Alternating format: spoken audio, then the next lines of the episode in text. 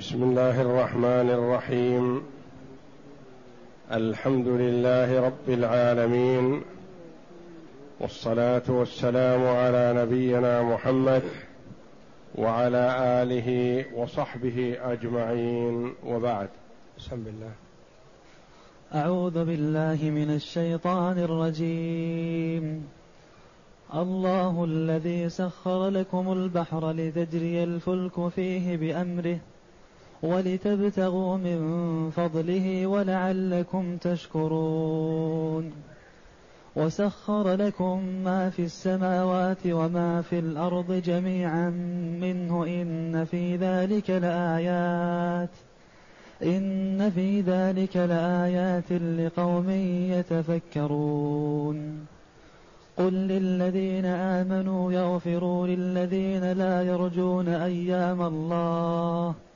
ليجزي قوما بما كانوا يكسبون. من عمل صالحا فلنفسه ومن أساء فعليها ثم إلى ربكم ترجعون.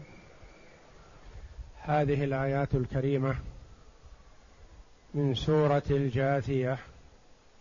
يقول الله جل وعلا الله الذي سخر لكم البحر لتجري الفلك فيه بأمره ولتبتغوا من فضله ولعلكم تشكرون.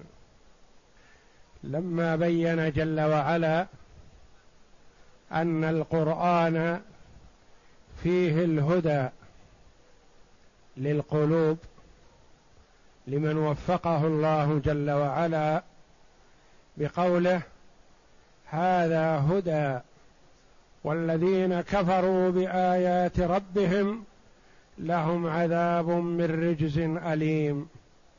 بين جل وعلا شيئا من آياته المرئية المدركة بالعين والسمع.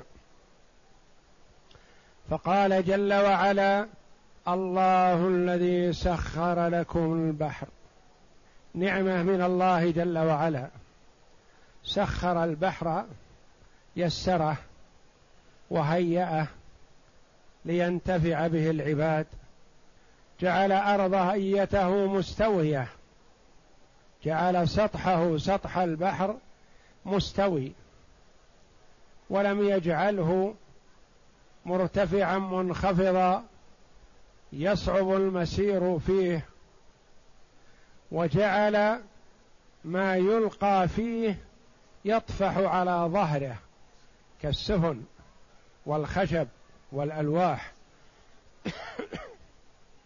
وهيأ ما فيه من الصيد من السمك والغذاء. ويسر ما فيه من المنافع والأثمان كالياقوت ونحوها واللؤلؤ التي تدرك وتؤخذ من قعر البحر. الله الذي سخر لكم البحر لتجري الفلك. الفلك السفن. وتسهيل من الله جل وعلا جعله هادئا. ولا يكون اضطرابه إلا في بعض الأحوال ليري الله جل وعلا عباده قدرته على تغيير الأحوال وصعوبة الشيء إذا لم ييسره الله جل وعلا. فالله جل وعلا سهل البحر ويسره وسخره ولو شاء لجعله تجري فيه الأمواج تمنع من الانتفاع به. ولكنه سخره لتجري الفلك فيه أي في البحر بأمره جل وعلا. فهي تسير من قطر إلى قطر ومن جهة إلى جهة بأمر الله جل وعلا وتيسيره وتسخيره. ولتبتغوا من فضله. لتبتغوا من فضل الله جل وعلا فتركبوا البحر وتأتوا بالتجارة من بعيد وقريب إلى حيث تريدون وتنقلون ما عندكم من الأشياء التي تريدون جلبها على هذا البحر بسهولة ويسر. ولتبتغوا من فضله ولعلكم تشكرون. قال العلماء الشكر واجب من العباد لله جل وعلا حيث أعطاهم ما أعطاهم وطلب منهم الثمن وهو الشكر. فيجب عليهم أن يؤدوا شكر الله جل وعلا. اقرأ. يذكر تعالى نعمه على عبيده فيما سخر لهم من البحر لتجري الفلك وهي السفن فيه بأمره تعالى فإنه هو الذي أمر البحران ولتبتغوا من فضله أي في المتاجر والمكاسب ولعلكم تشكرون على حصول المنافع المجلوبة إليكم من الأقاليم النائية والآفاق القاصية. وسخر لكم ما في السماوات وما في الأرض جميعا منه سخر ويسر وهيأ الانتفاع بما في السماوات من شمس وقمر ونجوم ومطر ورياح وسحاب كل هذا سخره الله جل وعلا لمنافع العباد. ما في السماوات وما في الأرض. ما في الأرض من نبات وزراعة وآبار وأنهار وحيوانات كلها أوجدها الله جل وعلا وهيأها ويسرها لينتفع بها العباد. جميعا هذه الأشياء يسرها حالة كونها جميعا فجميعا حال. منه أي من الله جل وعلا. فهو الذي تفضل بها وأعطاها. إن في ذلك لآيات علامات يستدل بها على قدرة الله جل وعلا. وعلى كمال تصرفه وحكمته جل وعلا وعلى ألوهيته وأنه المستحق للعبادة وحده لا شريك له. إن في ذلك لآيات يعني لعلامات لقوم يتفكرون. فمن رزق التفكر والتأمل انتفع بذلك. ومن كان معرضا ساهل لاه عن ذلك فإنه لا ينتفع بالآيات. والآيات يقيم الله جل وعلا بها الحجة على العباد. فهذه الآيات تدل على وجود الخالق لها الموجد لها جل وعلا. والخالق لها هو المستحق للعبادة وحده لا شريك له. ثم قال تعالى وسخر لكم ما في السماوات وما في الأرض أي من الكواكب والجبال والبحار والأنهار وجميع ما تنتفعون به أي الجميع من فضله وإحسانه وامتنانه. ولهذا قال جميعا منه أي من عنده وحده لا شريك له في ذلك كما قال تعالى وما بكم من نعمة فمن الله. ثم إذا مسكم الضر فإليه تجأرون. وروى ابن جرير من طريق العوفي عن ابن عباس في قوله وسخر لكم ما في السماوات وما في الأرض جميعا منه كل شيء هو من الله وذلك الاسم فيه اسم من أسمائه فذلك جميعا منه ولا ينازعه فيه المنازعون. واستيقن أنه كذلك. قل للذين آمنوا يغفروا للذين لا يرجون أيام الله ليجزي قوما بما كانوا يكسبون. قل للذين آمنوا يقول الله جل وعلا لعبده ورسوله محمد صلى الله عليه وسلم قل للذين آمنوا يغفروا للذين لا يرجون أيام الله. يغفر يعفو ويتسامح ويتغاضوا عن الذين لا يرجون أيام الله لا يخافون عقاب الله جل وعلا أو لا يرجون ثواب الله لا يؤمنون بالآخرة.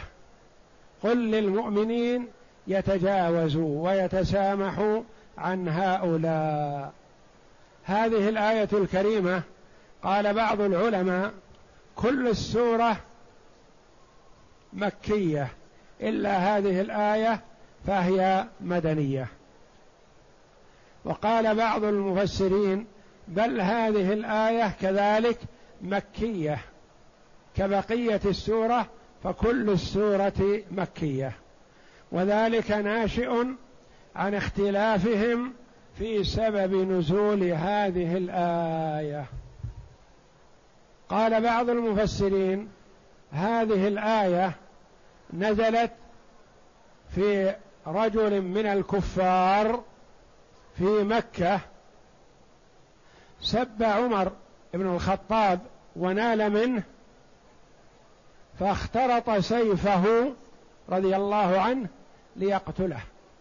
فأنزل الله جل وعلا على محمد صلى الله عليه وسلم قل للذين آمنوا يغفروا للذين لا يرجون أيام الله.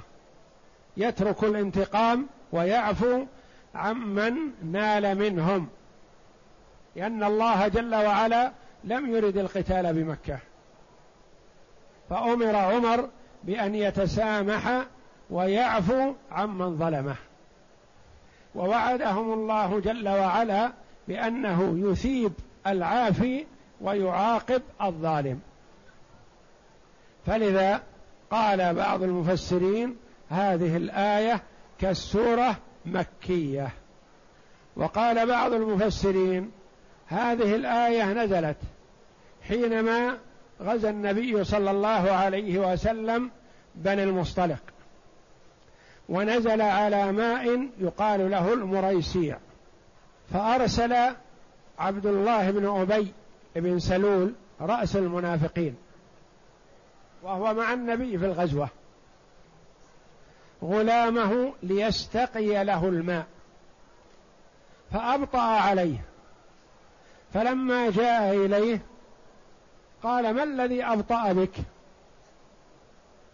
قال جاء غلام عمر ابن الخطاب ووقف على فم البير ولم يسمح لأحد يستقي منها حتى ملأ قربة النبي صلى الله عليه وسلم وقربة أبي بكر قربهم للماء.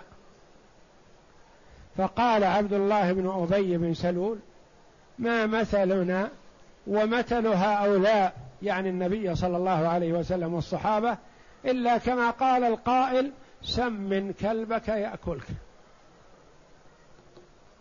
لئن رجعنا إلى المدينة ليخرجن الأعز منها الأذل. يعني نفسه الأعز والأذل الرسول والصحابة رضي الله عنهم وأرضاهم. فعلم عمر بن الخطاب رضي الله عنه فاخترط سيفه وذهب إليه ليقتله. فأنزل الله جل وعلا قل للذين آمنوا يغفروا للذين لا يرجون أيام الله ليجزي قوما بما كانوا يكسبون. فأرسل النبي صلى الله عليه وسلم في أثر عمر رضي الله عنه من يرده. فرده ولم يتعرض لعبد الله بن أبي بن سلول. وقيل نزلت في فنحاص اليهودي. لما نزل قوله جل وعلا إن تقرضوا الله قرضا حسنا يضاعفه لكم. قال فنحاص اللعين هذا افتقر رب محمد. فلذا طلب القرض. فعلم عمر رضي الله عنه بذلك فأخذ سيفه وذهب إليه ليقتله. لهذه المقالة الشنيعة. لأن عمر رضي الله عنه مشهور بالقوة بالحق والصلابة فيه. فأنزل الله جل وعلا قل للذين آمنوا يغفروا للذين لا يرجون أيام الله. فعلى هذا تكون هذه الآية مدنية يعني نزلت في المدينة لأن اليهود في المدينة ولأن المنافقين في المدينة. وعلى القول الأول تكون الآية مكية نزلت قبل أن يهاجر النبي صلى الله عليه وسلم من مكة إلى المدينة. والمعنى واضح والعبرة كما قال المفسرون بعموم اللفظ لا بخصوص السبب. فعلى أي كانت بالمدينة أو بمكة وسواء كانت نزلت في الكافر أو في المنافق أو في اليهودي. فمعناها بحمد الله واضح قل للذين آمنوا وهم المؤمنون يغفروا يتسامحوا ويعفو عن الظالمين عن الكفار أو المنافقين أو اليهود حيث لم يأمر الله جل وعلا بالقتال بعد. ما أمر بالقتال فأمر بالصفح والعفو. قل للذين آمنوا يغفروا للذين لا يرجون أيام الله. من هم الذين لا يرجون أيام الله؟ الكفار أو المنافقون أو اليهود. لا يرجون أيام الله. قد يستعمل لا يرجون كذا لا يعني لا يخافونه. لا يخافون وقائع الله. لا يخافون عقوبة الله. لا يخافون عذاب الله. وقيل لا يرجون أيام الله يعني لا يأملون في الثواب. لا يرجون ثواب الله حينما يأتي ثواب الله جل وعلا للمؤمنين. هم آيسون من ذلك لأنهم كفار لا ثواب لهم. لا يرجون أيام الله ليجزي قوما بما كانوا يكسبون. قوما يصح أن يراد بها الكفار أو يراد بها المنافقون أو يراد بها اليهود أو يراد بها المؤمنون. على القول الأول أنها نزلت في مكة ليجزي قوما أي الكافر. على ما قال وعلى ما نال من عمر ومن المؤمنين يجزيه الله جل وعلا في الدار الآخرة نار جهنم. وعلى القول أن المراد بها المؤمنون ليجزي قوما الذين هم المؤمنون عمر ومن معه بما كانوا يكسبون من العفو والتسامح يثيبهم الله جل وعلا في الدار الآخرة. وعلى أن المراد بها المنافقون ليجزي قوما عبد الله بن أبي بن سلول ومن معه من المنافقين بقولهم هذا الذي قالوه نحو النبي صلى الله عليه وسلم والمؤمنين.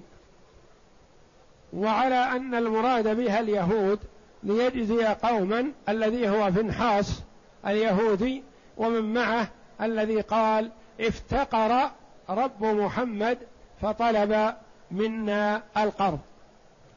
والتنكير هنا في قوله ليجزي قوما يصح أن يراد به التعظيم.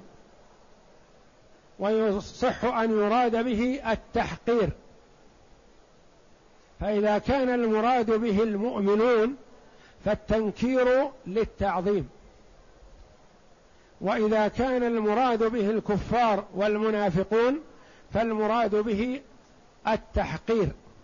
وهذا من بلاغة القرآن أنه يأتي اللفظ الواحد وقد يراد به المدح وقد يراد به الذم. ليجزي قوما بما كانوا يكسبون يعني بكسبهم. إن كان المراد المؤمنون ليجزيهم بأعمالهم الصالحة وتتوفر لهم في الدار الآخرة. فلا يبخس منها شيء.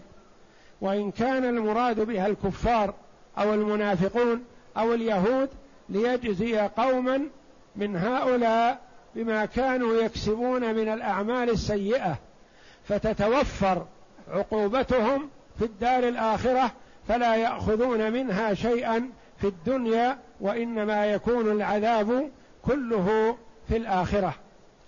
ويصح أن يراد بها الجميع فيكون معنى قوله جل وعلا ليجزي قوما بما كانوا يكسبون الترغيب والترهيب. فالمؤمن يجزى بعمله وافرا غير منقوص والكافر والمنافق والفاجر يجازى عقوبة على عمله في الدار الآخرة عقوبة فظيعة كلها يستوفيها في الدار الآخرة. ليجزي قوما بما كانوا يكسبون.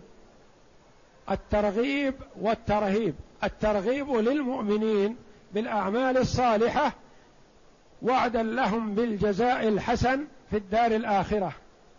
الترهيب للكفار والمنافقين من أن ما يعملونه من الأعمال السيئة سيعاقبون عليه في الدار الآخرة. نعم. قل للذين آمنوا يغفروا للذين لا يرجون أيام الله أن يصفحوا عنهم ويحملوا الأذى منهم. وهذا كان في ابتداء الإسلام. أمروا أن يصبروا على أذى المشركين وأهل الكتاب ليكون ذلك لتأليف قلوبهم. ثم لما أصروا على العناد شرع للمؤمنين الجهاد. هكذا روي عن ابن عباس وقتاده. وقال مجاهد في قوله لا يرجون أيام الله لا يبالون نعم الله. ليجزي قوما بما كانوا يكسبون. أي إذا صفحوا عنهم في الدنيا فإن الله مجازيهم بأعمالهم السيئة في الآخرة. ولهذا قال من عمل صالحا فلنفسه ومن أساء فعليها. من عمل صالحا فلنفسه ومن أساء فعليها ثم إلى ربكم ترجعون. هذا ترغيب للمؤمنين بالأعمال الصالحة بأن ثوابها لهم وأن نتيجة عملهم هم يقطفونها ويستفيدون منها وفيه ترهيب وتخويف للكفار والفساق والفجار بأن أعمالهم السيئة تعود عليهم بالعقوبة. من عمل صالحا فلنفسه ومن أساء فعليها. كما قال الله جل وعلا في الحديث القدسي يا عبادي إنما هي أعمالكم. يا عبادي يشمل المؤمن والكافر لأنهم كلهم عباد الله. يا عبادي إنما هي أعمالكم أحصيها لكم ثم أوفيكم إياها. فمن وجد خيرا فليحمد الله الذي هداه للخير ويسره له. ومن وجد غير ذلك فلا يلومن إلا نفسه. هذا عملك. وأنت الذي عملته وأنت الذي تستحق عقابه. ومن أساء فعليها. أنتم في هذه الدنيا هذه صفتكم. عملكم لأنفسكم. إن صالحا فخير لكم وإن سيء فشر لكم. ثم إلى ربكم ترجعون. ثم بعد العمل في الدنيا إلى الله مرجعكم. ما يقول المرء؟ أعمل الحسنات ثم تضيع. لا. أنت تعملها لله وأنت مردك إليه. ولا يقول الفاجر والكافر والمنافق والفاسق. أعمل السيئات ثم أحاول التخلص منها في الدار الآخرة بالإنكار. ينكر. قالوا والله ربنا ما كنا مشركين. أنكروا. وقالوا لا نقبل الشهود إلا من أنفسنا. لا نقبل شهادة الملائكة ولا نقبل كتابة الكرام الكاتبين وإنما لا نقبل يا ربنا إلا شهودا من أنفسنا. يقوله الظالمون يوم القيامة. فعند ذلك يختم الله على أفواههم. وتنطق جوارحهم بما كانوا يعملون. كل جارحة تقول فعلت وفعلت. اليد تنطق والرجل تنطق والفخذ ينطق والذكر ينطق. وكل جارحة تقول فعلت وفعلت. فعند ذلك يعطي الله جل وعلا اللسان الكلام. فيقول سحقا لكن وبعدا عنكن كنت أنافح فكيف تفضح تفضحنني عند الله؟ فيقولن أنطقنا الله الذي أنطق كل شيء وهو خلقكم أول مرة. فالجوارح تشهد يوم القيامة ولا تستطيع أن تنكر. كما قال الله جل وعلا ولا يكتمون الله حديثا. ينطق. ثم إلى ربكم يعني بعد عملكم في الدنيا إلى ربكم ترجعون. يعني ترجعون إلى الله وتؤونون إليه فتجدون ثواب عملكم. لا تستبعدونه. تعمل الصالحات الآن تجد ثوابها عند الله. في وقت أنت أحوج ما تكون إليها. الكافر والفاجر والمنافق والفاسق يعمل السيئات يجد العقوبة عند الله جل وعلا. أفنجعل المسلمين كالمجرمين؟ ما لكم كيف تحكمون؟ فالله جل وعلا يعطي كل ذي حق حقه ويجازي كل عامل بعمله. ويزيد جل وعلا في الحسنات ويثيب عليها ويضاعف. ولا يضاعف السيئات جل وعلا لأن الزيادة في الحسنات كرم. والله جل وعلا كريم. والزيادة في السيئات ظلم. والله جل وعلا منزه عن الظلم. فهو يضاعف الحسنات ولا يضاعف السيئات وإنما يقال إنما هي أعمالكم أحصيها لكم ثم أوفيكم إياها فمن وجد خيرا فليحمد الله ومن وجد غير ذلك فلا يلومن إلا نفسه نعم. من عمل صالحا فلنفسه ومن أساء فعليها ثم إلى ربكم ترجعون أي تعودون إليه يوم القيامة فتعرضون بأعمالكم عليه فيجزيكم بأعمالكم خيرها وشرها. والله أعلم وصلى الله وسلم وبارك على عبده ورسول نبينا محمد وعلى آله وصحبه أجمعين.